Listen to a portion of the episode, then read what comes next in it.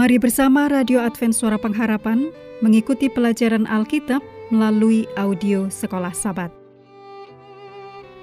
Selanjutnya kita masuk untuk pelajaran hari Senin, tanggal 1 Januari 2024. Judulnya Temui Para Pemasmur. Mari kita mulai dengan doa singkat yang didasarkan dari Efesus 1 ayat 18 dan supaya ia menjadikan mata hatimu terang, agar kamu mengerti. Amin. Raja Daud yang namanya muncul di judul-judul kebanyakan kitab Mazmur, aktif dalam mengatur liturgi ibadah Israel. Dia disebut pemazmur yang disenangi di Israel.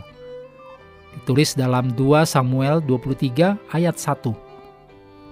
Perjanjian Baru membuktikan Daud sebagai penulis dari berbagai Mazmur.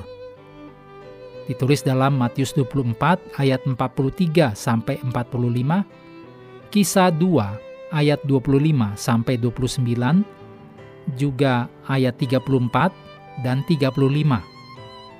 Kemudian Kisah 4 ayat 25 dan Roma 4 ayat 6 sampai 8 banyak Mazmur digubah oleh pemusik bait suci yang juga orang Lewi. Misalnya Mazmur pasal 50, Mazmur pasal 73 sampai 83 oleh Asaf, Mazmur 42, Mazmur 44 sampai 47, Mazmur 49, Mazmur 84, Mazmur 85, dan Mazmur 88 oleh Bani Korah. Mazmur 88 oleh Heman, orang Esrahi. Dan Mazmur 89 oleh Etan, orang Esrahi.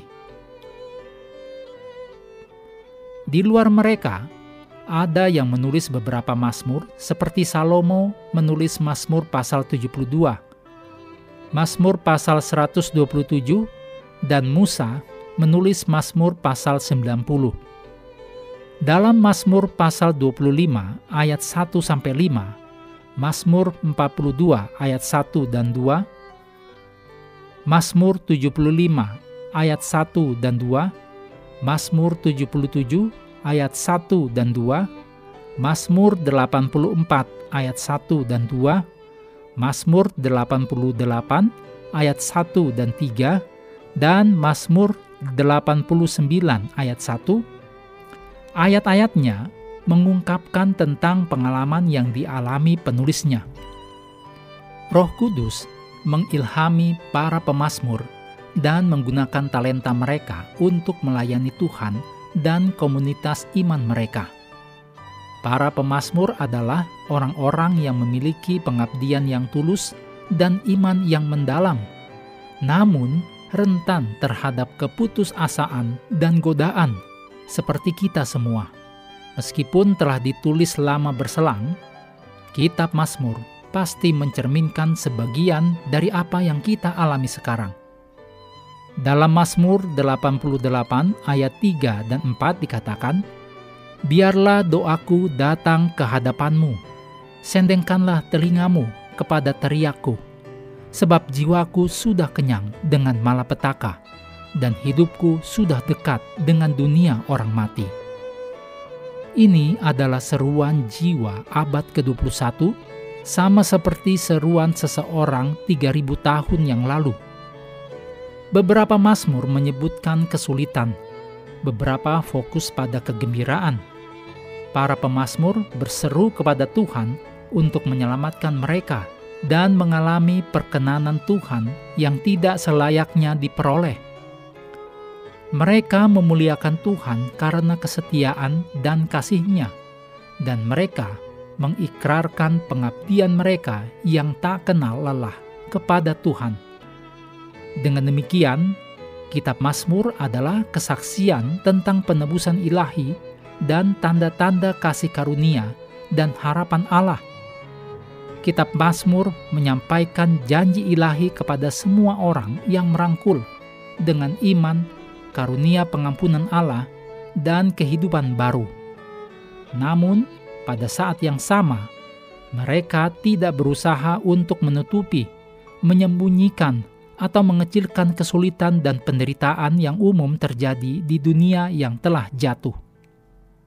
Kita dapat memperoleh pengharapan dan penghiburan dengan mengetahui bahwa bahkan orang yang setia, seperti para pemazmur, bergumul dengan beberapa hal yang sama seperti yang kita alami.